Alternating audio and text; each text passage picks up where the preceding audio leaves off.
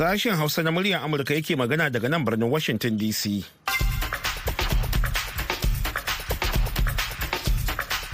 Masu sauraro Assalamu alaikum da fatan ana shan hantsi lafiya. Baba ya ko makirri ne tare da Ibrahim ka almasi garba da sauran abokan aiki.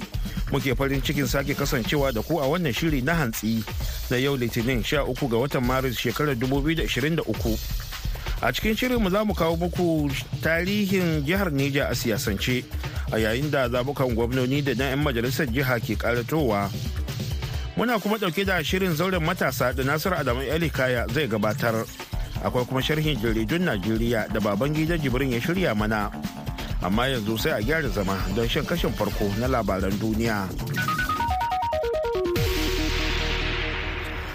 To Assalamu alaikum masu saurare da fatan ana kan shan hantsi lafiya ga labaran. Da alamar Rasha ta gamu da turjiya a ƙoƙarinta na ƙwace birnin Bakhmut na gabashin Ukraine a cewar wata mashahuriyar majiya wadda ta yi nazarin fafatawar da aka fi ɗaukar lokaci ana yi a yaƙin Ukraine. Cibiyar nazarin yaƙe-yaƙe da ke Washington ta ce hasali ma babu wani tabbaci cewa Rasha ta samu dannawa gaba a Bakhmut. Sojojin rasha da wasu bataliyoyi daga kamfanin mayaƙan nan na wagner mai alaka da fadar gwamnatin rasha ta kremlin sun yi ta kai hare-hare daga ƙasa kan birnin. To amma babu wata shaidar cewa sun iya cimma wata nasara a cewar cibiyar ta siw mutumin da ya kirkiro kamfanin mayaƙan na wagner yevgeny prigozhin ya faɗi a wani sako ta ko na telegram jiya lahadi cewa halin da ake ciki a bakhmut a ta bakinsa mawuyaci ne mai cike da matuƙar wahala ta yadda ma abokan gaba ke yaƙin kare ko da mita guda ne. Mutane talatin sun mutu an kuma samu ceto 17 jiya lahadi a tekun bahar rum bayan da jirgin ruwan da suka gudo daga libya a ciki ya tuntsire saboda rashin kyan yanayi a cewar dogarawan tsaron gabar italiya. An yi ta gudanar da ayyukan ceto tare da taimakon jiragen ruwa na 'yan kasuwa da kuma taimakon jiragen sama na hukumar kula da kan iyakoki ta ƙungiyar tarayyar turai eu frontex a yayin da kuma wasu ƙarin jiragen ruwa biyu na 'yan kasuwa suka nufi wajen. A cewar dogarawan tsaron gabar a wani bayani da safiyar jiya lahadi wata ƙungiyar jin kai ta bahar rum ta aika da saƙon twitter mai cewa bisa ga wasu majiyoyi da dama jirgin ruwan wanda ke kan hanyarsa ta zuwa italiya ya tuntsire a tazarar kilomita 177 arewa maso yammacin birnin bangazi koriya ta arewa ta cilla wasu abin da aka kira tsararrun makamai masu linzami guda biyu daga wani jirgin ƙarƙashin ruwa a wajejen gabar gabashin ƙasar a cewar kafafen yada labaran gwamnati a yau ɗin litini. Kwana guda kawai bayan da koriya ta arewar ta yi gargaɗi kan abin da ta kira yiwuwar wani gagarumin martani kan atisayen sojin da ake tsakanin amurka da koriya ta kudu wanda aka fara wannan makon. Kamfanin dillancin labarai na gwamnatin koriya ta arewar ya ce cilla makaman da aka yi da safiyar jiya lahadi ya nuna yadda koriya ta arewa ke iya mai da martani daga garumin ƙarfi kan amurka mai danniya da kuma 'yan koranta sojojin koriya ta kudu. Makaman sun yi tafiyar kilomita 1,500 a sama inda suka yi minti 125 a cewar kafan labaran ta kcna ta ce an kaddamar da makaman ne daga jirgin ƙarƙashin ruwa mai lakabin bardin ranar 24 ga watan agusta inda a baya aka kaddamar da makamai masu linzami samfurin ballistic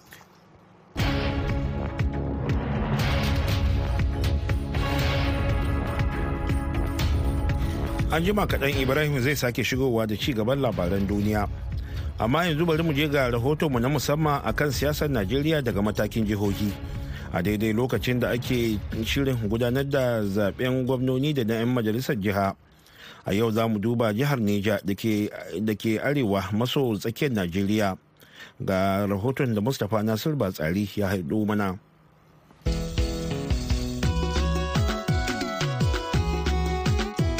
Talaka kamar kuka kuri'ar ka yancinka ka riƙe makamanka ita za ta cece ka. Talaka ka bar kuka jihar Niger da ke arewa maso tsakiyar Najeriya. Da aka kirkiru a shekarar 1976 da bayanai suka nuna cewa yanzu haka tana da yawan mutane kimanin miliyan biyar.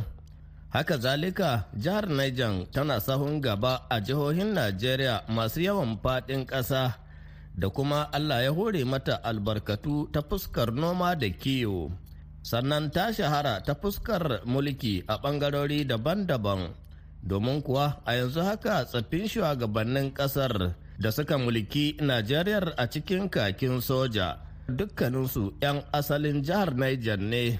A yanzu dai a iya cewa an ɗau harama kama daga ɓangaren 'yan siyasa da ke ci gaba da yaƙin neman zaɓe har ma da al'ummar gari kowa na cike da ɗokin ganin an gudanar da zaɓen cikin lafiya da kwanciyar hankali. Sunana Isa Umar nan garin Mina. Shine ina fatan Allah ya sa a yi wannan zaɓen lafiya kuma Allah ya zama da kasan mu lafiya shine fata na. Kamar kun shirya yin zaɓen za ku je ku Eh za mu je mu yi zaɓe insha Allah za mu je mu zaba sosai sosai kuwa. Sunana Nasir Muhammad Atayiru daga Niger State Kwantagoro Local Government. To hasashe dai zaɓe kan akwai gwagwarmaya sosai saboda daga dukkan alama duka jam'iyyun suna shirye akan wannan babban zaɓe mai zuwa. Nura Muhammad fatan da nake yi da 'yan uwana matasa don Allah ku da hankali ku daina tadda rigiman da mutum bai san kanta ba bai san mafarinta ba. Suna Alhaji Abdullahi Ibrahim wanda aka yi sani da suna Buze amma ni tunane na 2023 za a yi zaɓen da ba a taba yi ba. Saboda mai lokaci ne na duk abin da ake hasashe ta wuce sanin dan Najeriya tun na tun na har zuwa yau ba wanda bai dandana kuɗa shi ba.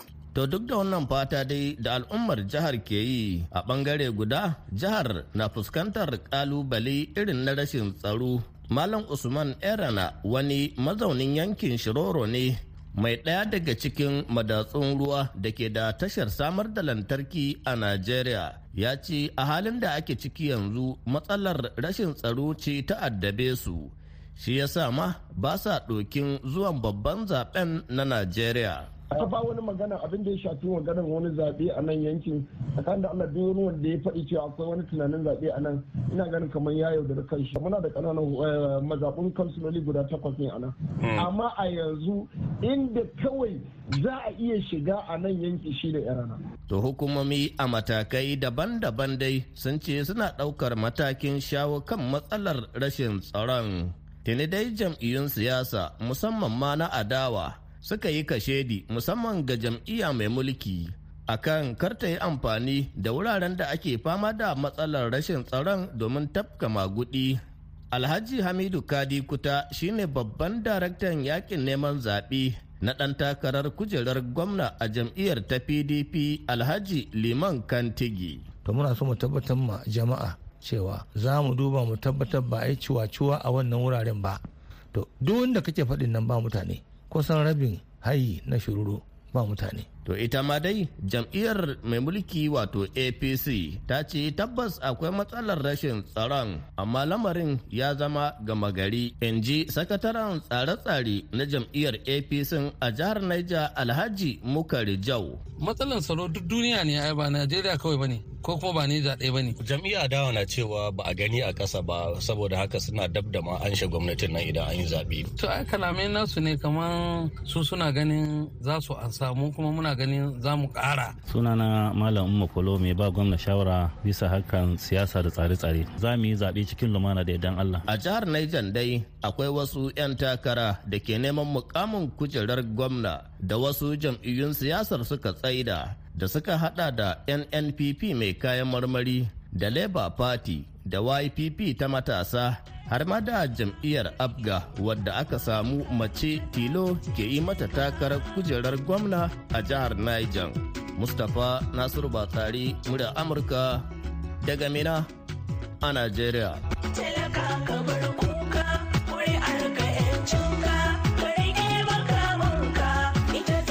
Madalla a gaida Mustapha Nasiru Batsari. Ana tare ne da sashen Hausa na muryar Amurka a birnin Washington DC kai tsaye. Yanzu ko ga Ibrahim da ci gaban labaran duniya.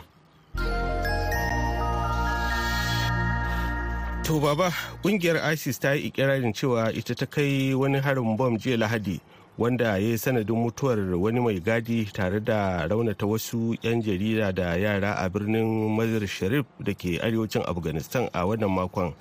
Harin bom ɗin wanda aka kai shekarun jiya Asabar ya faru ne yayin wata hidima ta karrama wasu 'yan jaridar Afghanistan. kuma ya zo ne kwanaki biyu bayan wani dan kunar bakin wake ya hallaka gwamnan lardin balk mai ra'ayin taliban harin da shi ma dai isis ta yi ikirarin kaiwa mayaƙan isis sun kai harin ne kan 'yan jarida ta wajen dana wani ƙunshi makale da bom a wurin wannan hidimar wadda aka yi a wani dandalin raya al'adu da ke mazar sharif headquarter lardin balk a cewar isis a wani bayanin da ta yi a shafin yanar sadarwar kafar labaranta ta amak. A cewar bayanin na isis harin ya auku ne wani gangami wanda aka yi a wani dandali na 'yan shi'a don karrama wasu 'yan jarida da dama waɗanda ke aiki da cibiyoyin da ke taka rawa a yaƙin da ake yi da isis. A ƙarshe wasu makamai masu linzami da isra'ila ta auna kan wani birni a yammacin siriya jiya lahadi sun raunata sojojin siriya uku a cewar kafar labarai ta gwamnatin siriya. Kafar dillancin labarai ta gwamnatin siriya din sana wadda ta kalato daga wata majiyar soji ta ce an cillo makamai masu linzamin ne kan masiyaf da ke lardin hama da almuru. Sashin kare tsaron sararin saman siriya ya kakkaɓo da dama daga cikin makaman. Kafan labaran ta gwamnatin siriya dai bata ba da labarin mace-mace ba. To sai dai ƙungiyar adawa mai bibiyar yaƙi wadda ke da mazauni a burtaniya mai suna ƙungiyar sa ido kan batutuwan 'yancin dan adam a siriya ta ce harin ya dara kan wani rumbun makamai na mayaka masu samun goyon bayan iran inda ya yi sanadin mutuwar sojoji uku ba tare da yin cikakken bayanin ɓangaren da sojojin suka fito ba.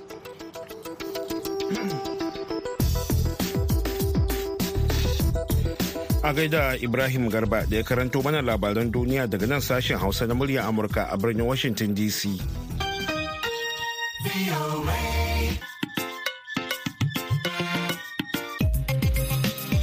to madalla yanzu ko kafin mu ci gaba bari mu shakata da wannan faifan.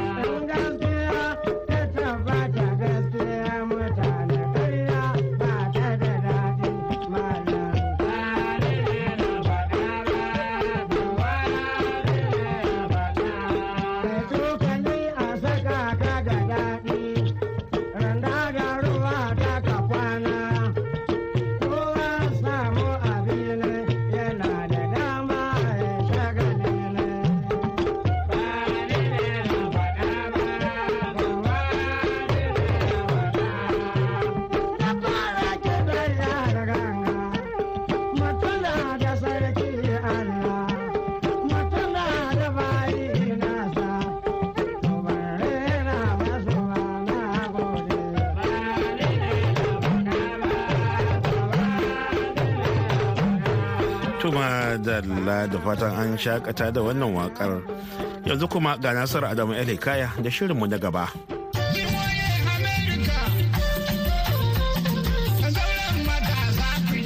Zauren matasa. Masu sauraro barkanmu da dawa sabon shirin zauren matasa na VOA da ke taɓo abubuwan da ke cewa matasan tuwa a ƙwarya da hanyoyin da za a magance kalubalen da ya haɗa da yaƙi da jahilci, shan miyagun ƙwayoyi, bangar siyasa har ma da masu shiga satar mutane. Sabon shirin zauren matasa na VOA ya sauka a garin Nima da ke yankin babban birnin ƙasar Ghana wato Akara. wakilin muryar amurka rediman muktar abbas ya tara matasa ya zanta da su don tattauna kan kalubalen da ke fuskantar matasa a garin nima dai matattara ce ta kabilu daban-daban na afirka don haka ya nuna jama'a daga bangarori daban-daban na zaune tare da juna a wannan yanki na nima farko Ridwan gabatar mana matasa a zauren mana. A nan high table mun tattara shugabanni na matasa Sarki Mustapha Sawaba wadda shine PRO na Concern Youth na Nima. Sai kuma Hajiya matan sarki wacce ke jagoran ɓangaren mata. Muna kuma tare da jami'i na gwamnati wadda lauya ne na babban limamin ƙasa wadda kuma ke cikin gidauniyan nan na National Mox Foundation da ke Akanda nan Accra Lawyer Saidu. Jama'a muna yi muku barhaba da zuwa wannan shiri na zauren matasa. Mun gode Ridwan, matasa kai tsaye ku biyo ni mu shiga zauren.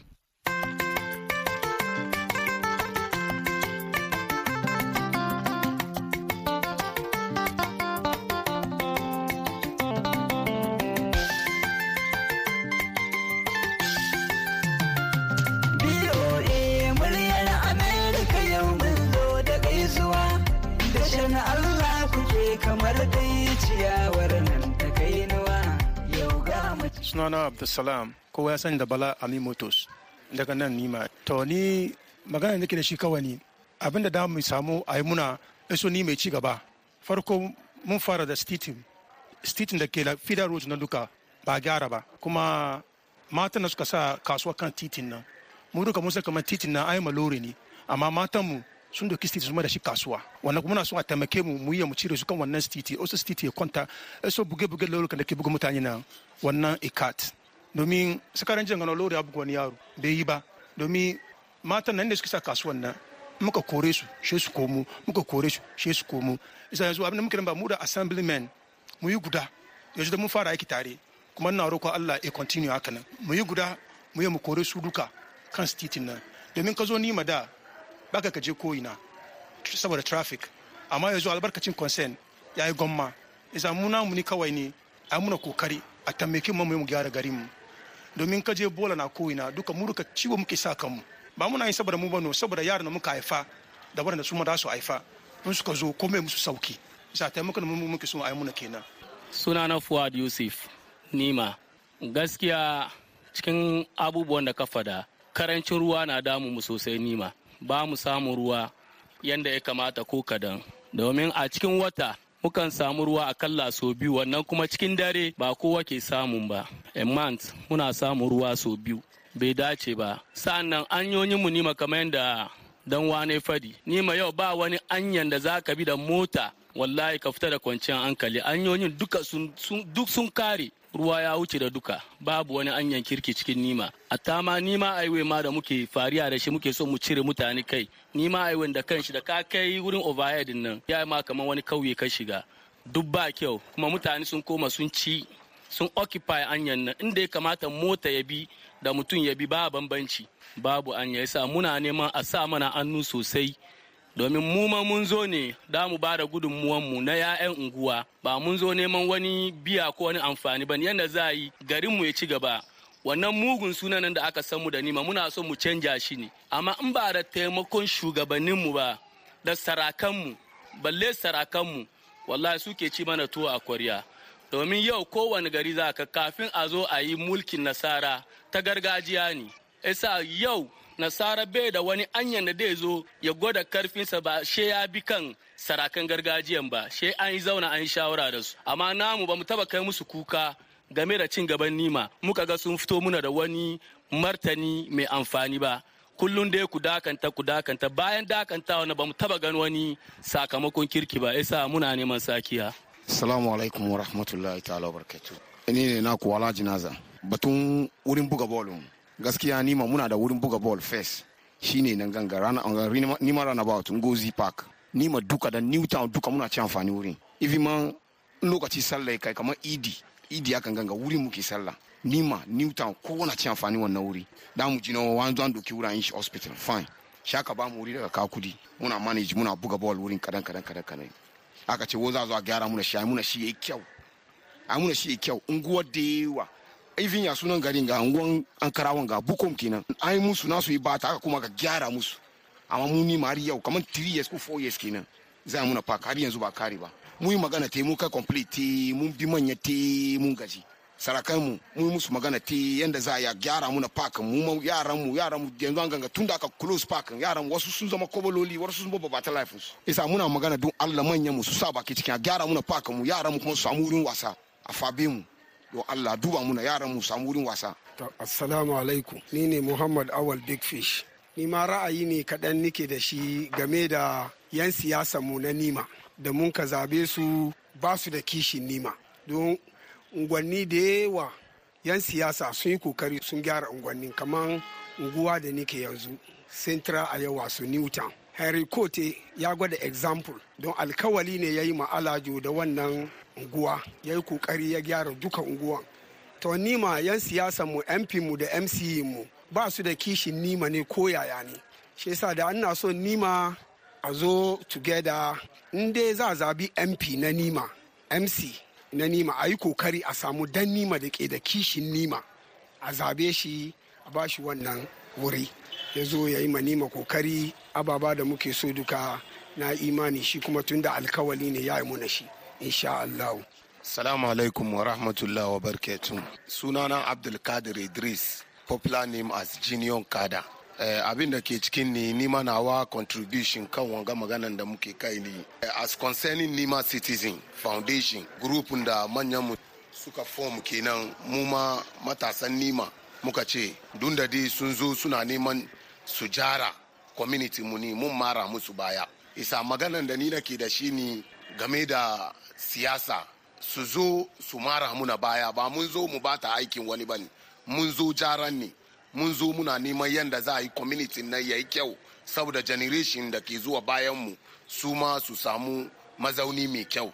Isa concerning nima citizen foundation na matakin shi duka kenan. Bai zo ya kawo damuwa cikin nima ba. Isa maganan nima nake da shi da dan kenan Salamu alaikum wa rahmatullahi ta'ala wa barakatu. Sunana Abdurrashid Abdurrahman. E, nima yaro nima ne nima kaife ni na tashi nima still ina nima. Ina ga na gan kan platform kamar da yi minti yau da zama a tattauna batun nima. Shi na kamar to nima na gudu aiki. Iso in zo niman yanzu faɗi wani abu da mu yare ne amma an faɗi mu mun faɗi aka ci hankalin mu. Batun kamar unguwa na video land wurin masallacin Alhaji Noga. Ka kama wurin nan duka zuwa kamar da aka fita chapter o duka wallahi ya ka da ringon nan ba kyau ko kankani. From wurin ne wuce ta michigan duka ba kyau. Ina bani mamaki ko manya ba su bi wurin nan ne ko mp bai bi wurin nan ne ko assemblyman bai bi wurin nan ne ko unit committee nan ba su gani ne ban sani ba. Isa ko mu ba mu ta tempo ni mani mun kama ta kandan mun wai so mu san kando muna face kanda aiwe isa an gance muna kanda muke she mu san kamar muna cikin kanda. Amma an dai cikin nima muke dai ya fi an wurin nan kuma las kuma mun kira aka ce ba ya da demonstration da komi. Ajiya salma ta ce a samu hankuri ba ya shi haka nan. Sun zo su yi so a ba su lokaci. To lokacin nan ne ba mu san ban yau ni lokacin nan ko gobe ko bayan ranmu ni ko dai shi an duniya sabo kuma ni lokacin nan shi ba mu sani ba. Masu sauraro, a nan za mu dakatar da shirin wannan mako. Makon gobe Allah ya kai mu za mu ɗora daga inda muka tsaya. A madadin matasan nima da ke yankin babban birnin ƙasar ghana wato akara da kuma wakilinmu ridwan muktar abbas da muryar amurka da ta ɗauki nauyin kawo muku shirin ni nasiru adamu ali kaya da na shirya kuma na gabatar ke cewa sai allah ya kai mu wani makon wassalamu alaikum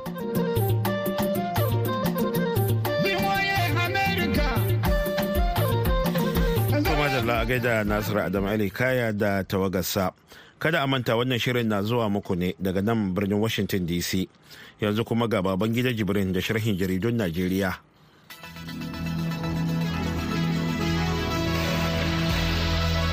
Zan fara shahin jaridun ne da jaridar da banga ɗaya daga cikin manyan labaranta na cewa shugaban hukumar zaɓen najeriya farfesa mahmud yakubu ya shawarci 'ya'yan jam'iyyar pdp da su guji bata masa suna a kafafen yada labarai ko kuma ya ɗauki matakin shigar da kara a kansu. Babban sakataren shugaban hukumar zaɓen mr rotimi oye kami shine ya bayyana hakan a wata sanarwa da ya fitar bayan da dan takarar neman shugaban kasa na jam'iyyar pdp ya yake da wata wasiƙa ga shugaban hukumar zaɓen inda yake bukatan da ya sauka daga kan mukaminsa bisa zargin cewa ya taimaka wajen tafka magudi a zaɓen shugaban kasan da ya gabata. Sai kuma jaridar tribune. Jaridar tribune ta ruwaito malaman kwalejojin kimiyya da fasaha a najeriya na kira ga shugaban kasa muhammadu buhari da ya hanzarta sa hannu a dokar da ke kawo ƙarshen nuna bambanci a tsakanin masu riƙe da digiri da kuma takardar shaidar hnd a najeriya. Shugaban ƙungiyar malaman kwalejojin kimiyya da fasaha a najeriya dr anderson ezebe shine a wannan kiran a hira da yi da musamman da jaridar ta tribune inda yake kira ga shugaban kasa muhammadu buhari da ya tabbatar ya sa hannu a kan wannan doka. Sai kuma jaridar premium times da ake buga ta gizo ɗaya daga cikin manyan labaran ta cewa yanzu haka manyan makarantu na tarayyar najeriya sun kara daga ranakun koma karatu sakamakon dage ranakun zaɓe da hukumar zaɓen najeriya ta yi.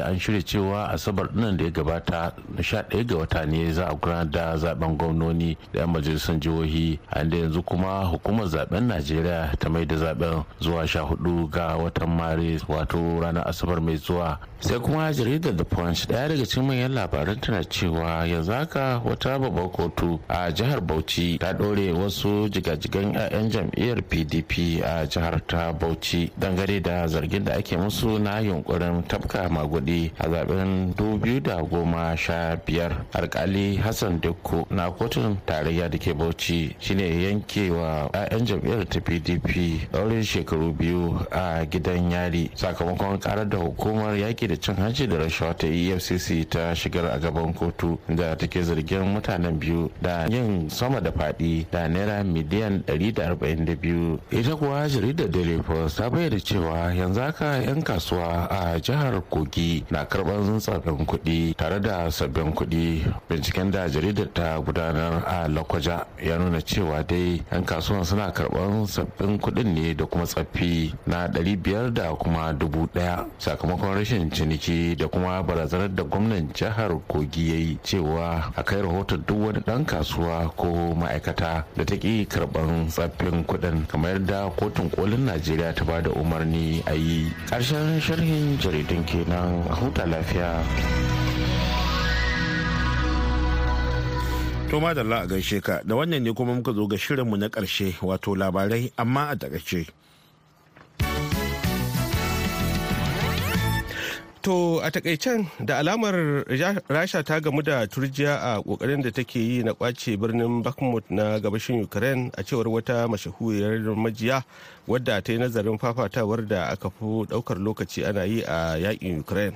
Cibiyar nazarin yaƙe-yaƙe da ke Washington ta ce hasali ma babu wani tabbaci cewa Rasha ta samu dannawa gaba a Bakhmut. Sojojin rasha da wasu bataliyoyi daga kamfanin mayaƙan nan na wakna mai alaka da fadar gwamnatin rasha ta kremlin sun yi ta kai hare-hare daga ƙasa kan birnin. To amma babu wata shaidar cewa sun iya cimma wata nasara a cewar cibiyar ta isw mutane talatin sun ɓace an kuma samu ceto goma sha bakwai jiya lahadi a tekun bahar rum bayan da jirgin ruwan da suka gudu daga libya a ciki ya tuntsire saboda rashin kyan yanayi a cewar dogarawan tsaron gabar italiya. An yi ta gudanar da ayyukan ceto tare da taimakon jiragen ruwa na 'yan kasuwa da kuma taimakon jiragen sama na hukumar kula da kan iyakoki ta ƙungiyar tarayyar turai frontex. Koriya ta arewa ta cilla wasu abin da aka kira tsararrun makamai masu linzami guda biyu daga wani jirgin ƙarƙashin ruwa a wajejen gabar gabashin ƙasar to masu sauraro da haka ne kuma muka kawo ƙarshen shirinmu na wannan lokacin sai kuma idan allah kai mu a shirinmu na la'asariya za a ji wasu abokan aikinmu ɗauke da wani shirin. Yanzu a madadin ibrahim ka almasi garba da ya taya ni gabatar da shirin da kuma solomon abu da ya shirya ya ba da umarni da ma injiniyanmu na wannan hantsin Mr. Carl. Baba ya ko makeri ne daga nan birnin Washington DC nake muku fatan alkhairi. Wassalam.